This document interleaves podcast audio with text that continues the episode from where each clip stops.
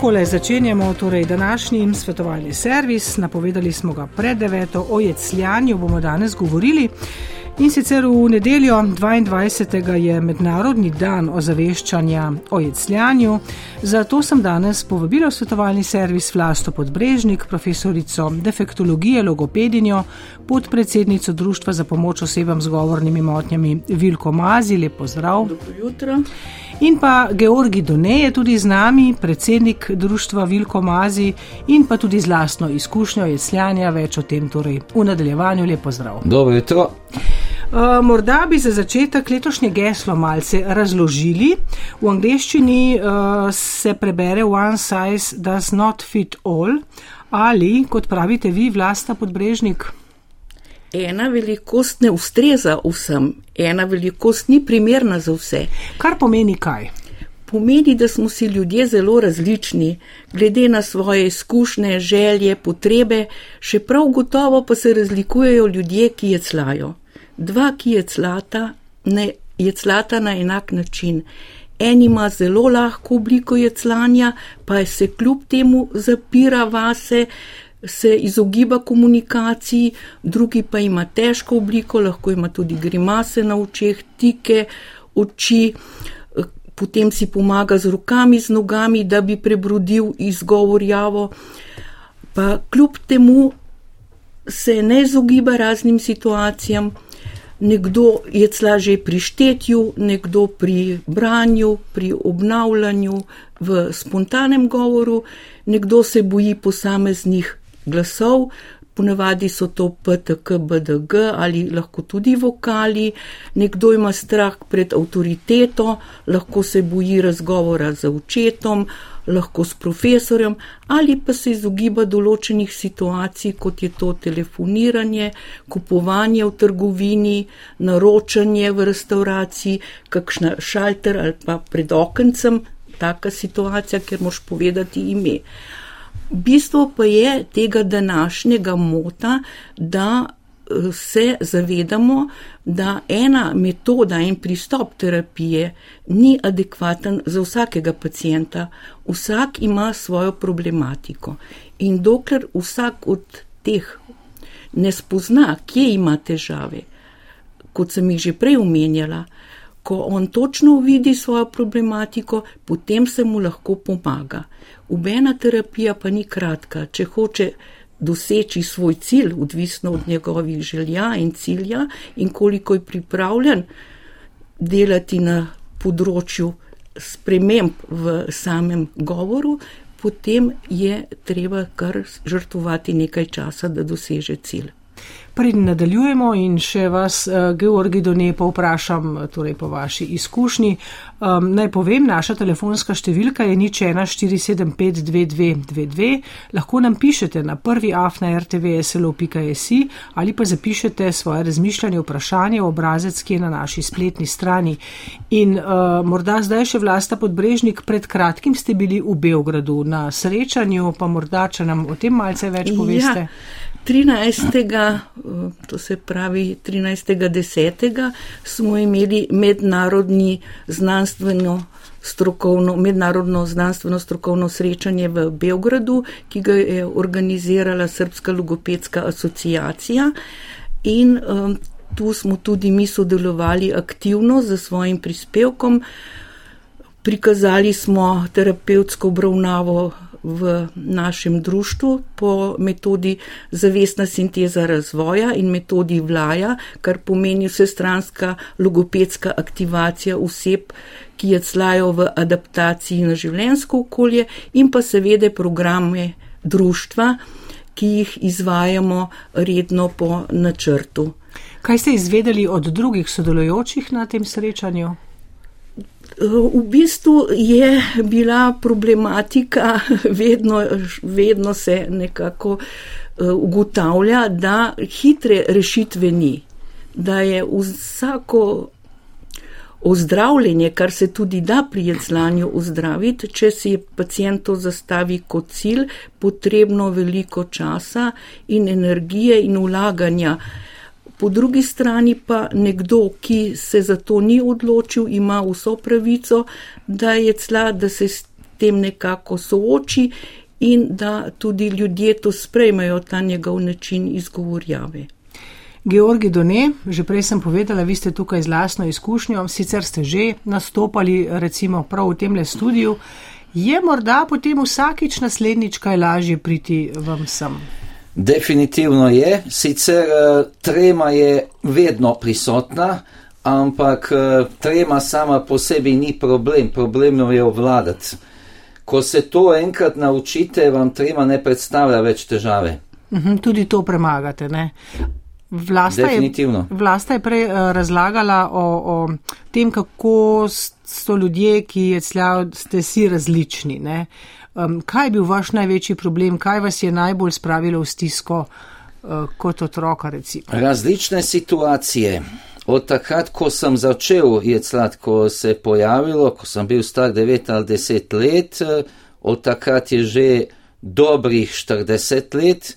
Največkrat, ko bi je bilo treba odgovarjati gradivo v šoli ali pa brati neko čtivo pred razredom in pred učiteljico, učiteljem, potem, eh, ko je bilo treba iti po opravkih na različna okenca, ko, se, eh, ko je, se je bilo treba nagovoriti nekega neznanca na ulici, sploh pa starejšo osebo, ko se je bilo treba za nekaj obrniti učitelju, profesorju, to, kar mi rečemo, avtoritete, ali pa uh, tudi telefonski pogovori. Ne glede na to, ali sem moral dobiti neko informacijo, ali pa sem moral nekomu posredovati neko informacijo. Telefon je skoraj vedno bil nekakšen bav-bav.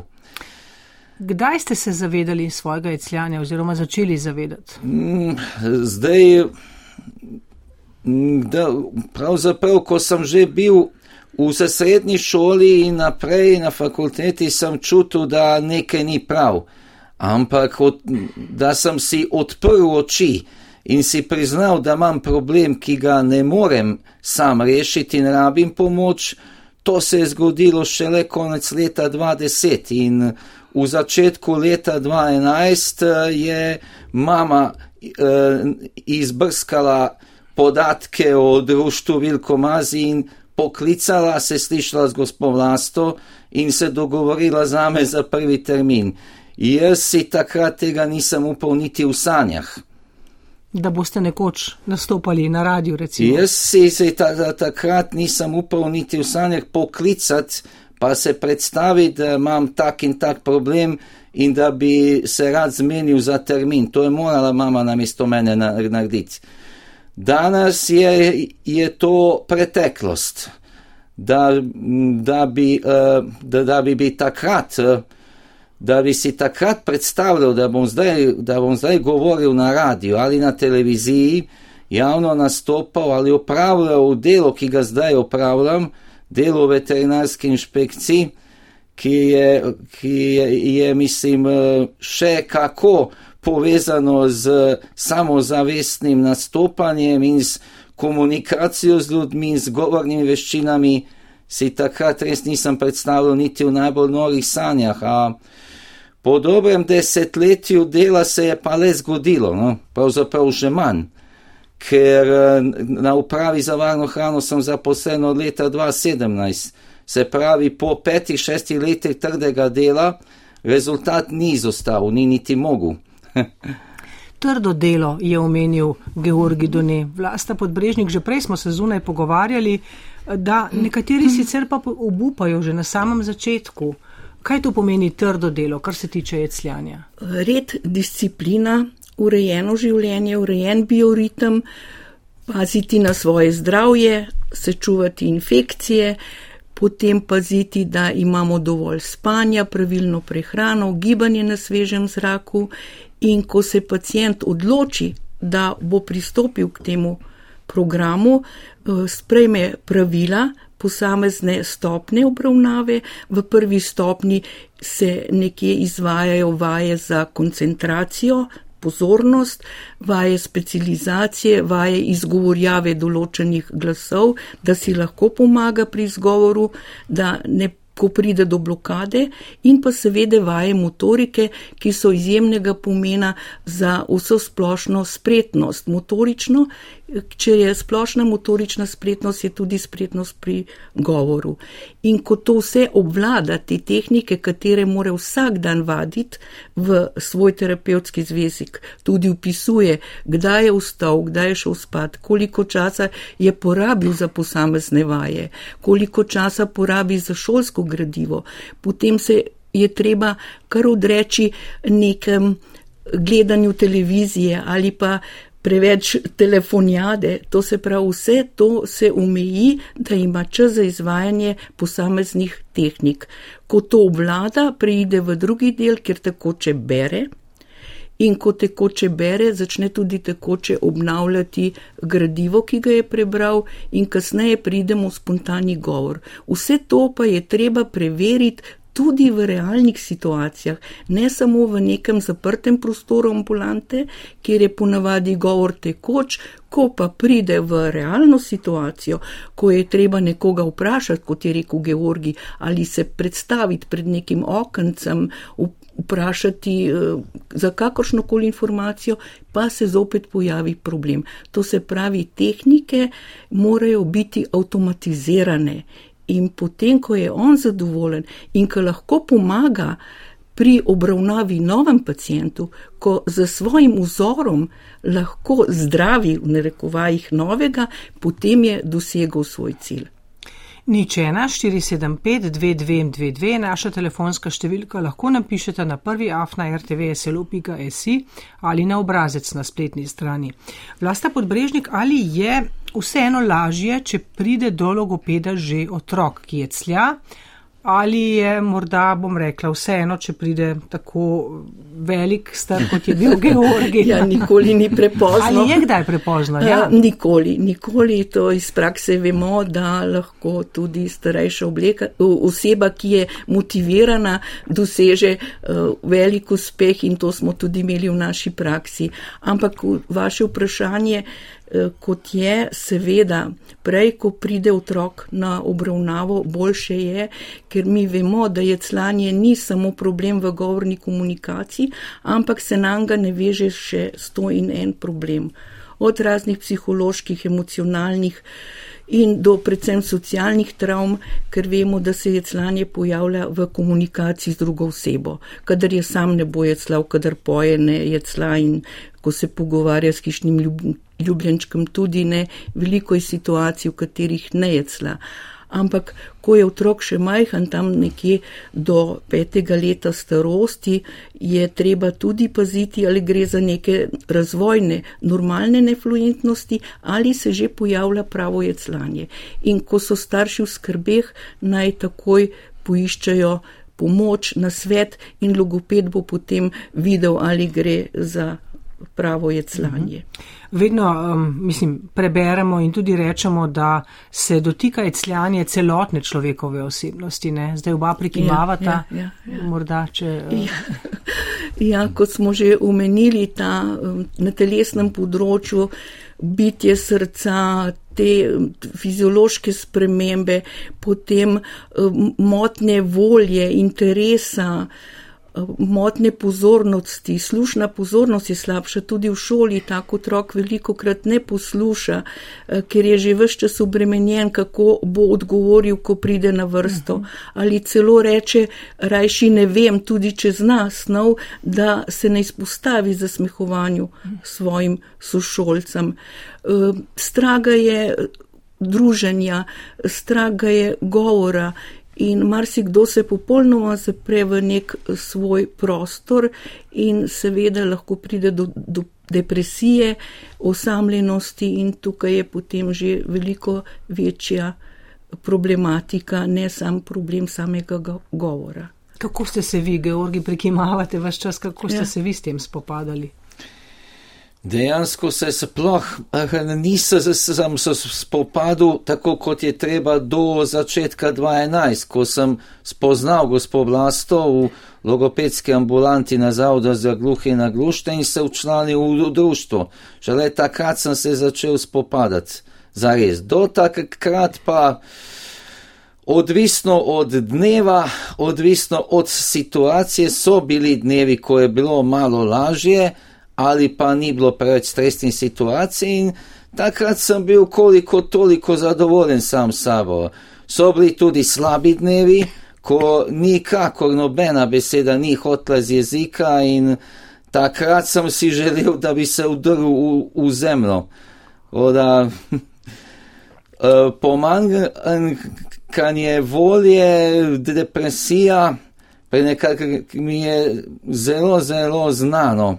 Tak, njih, takšno nihanje razpoloženja in ne, nekakšno bežanje, mislim, zapiranje v sobo, ker sem bil sam z nekimi svojimi mislimi in ker sem poskusil preprosto pozabiti na ta dan ali pa na vse, kar se je zgodilo, sem se to lažil, jutri je nov dan, najde, jutri bo, bo, bo bolje, ampak to ni rešitev. Ne, to, situacije so se pač ponavljale. Gospa Podbrežnik je omenila red v življenju. Ne? Zakaj je, uh, gospa Podbrežnik, to tako pomembno? Disciplina, ker pri jeclanju pride veliko krat do te dezorganizacije in tudi pri govoru uh, govorijo na dolgo, na široko, um, ne pove bistvo. Tudi išče veliko krat sinonime, ker ne more določen glas izgovoriti, on na, na mesto, da bi rekel, naprimer, kruh, reče žemlja. Uh, in nima te discipline, ni urejen in ko enkrat unese v, svoj, unese v svoje življenje nek sistematičnost, neko disciplino, potem to tudi vpliva na izboljšavo samega govora. In ko ima ta dnevnik, točno ve, kaj more vsak dan narediti, da pride do nekih izboljšav. Tako kot kadar nas boli glava ali imamo kakršne koli probleme, vzamemo zdravilo, tukaj se vsakodnevno more opraviti določeno število vaj. In vsak, ki gre skozi ta program, ki ga zdrži, ki je izredno težek, včasih smo rekli, samo roditi je še težje. Eh, disciplina, red, to pomaga potem, da lahko prebrodi vse težave. In danes Georgi je predsednik društva. To je tudi veliko, velik pomen, da je on lahko danes v tej vlogi zaradi tega, ker se je bil redoljuben, discipliniran in vsaka površnost, nekdo reče, sem hodil k logopedov, pa ni pomagalo. Seveda ni pomagalo, če ne delaš.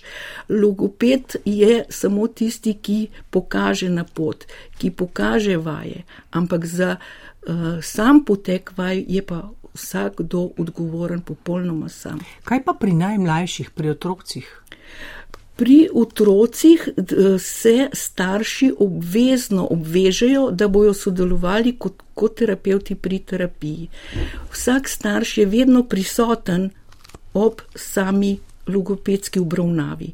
Mi naučimo starše, in starši potem delajo s svojim otrokom, ker oni so tudi najbolj motivirani za svojega otroka.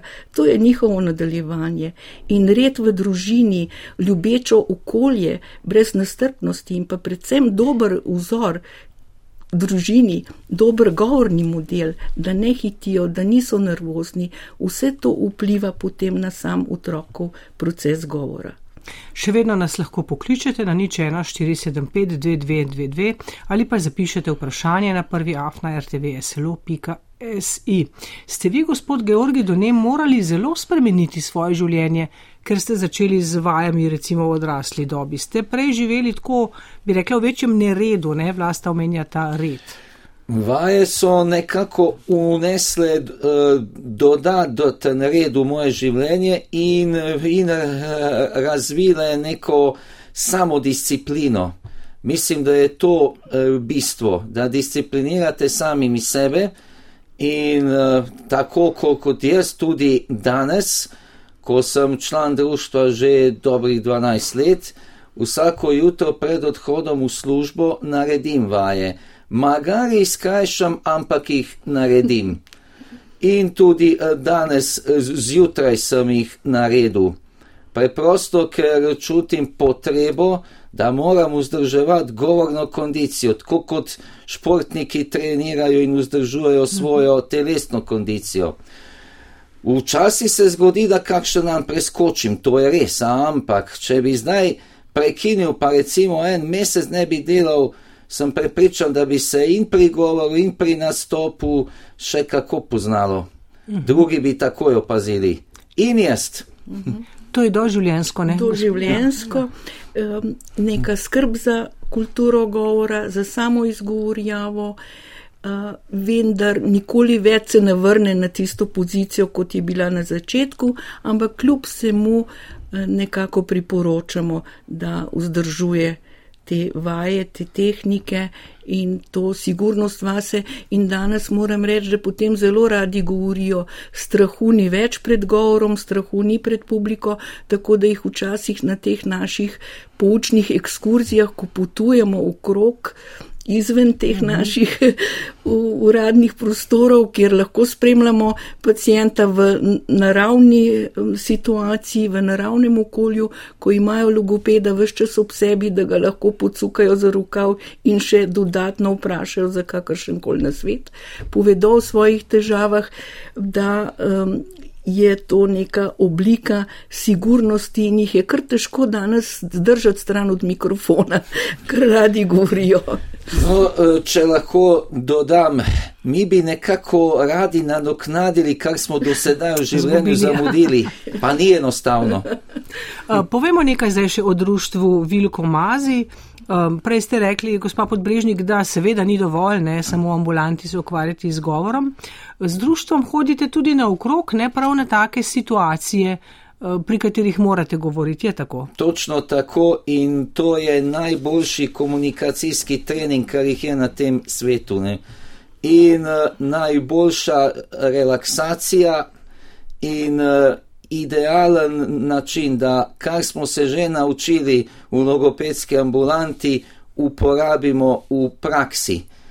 Mislim, da tega vsaj v Sloveniji nihče drug, ki se ukvarja z zdravljenjem govornih moten, ne more ponuditi.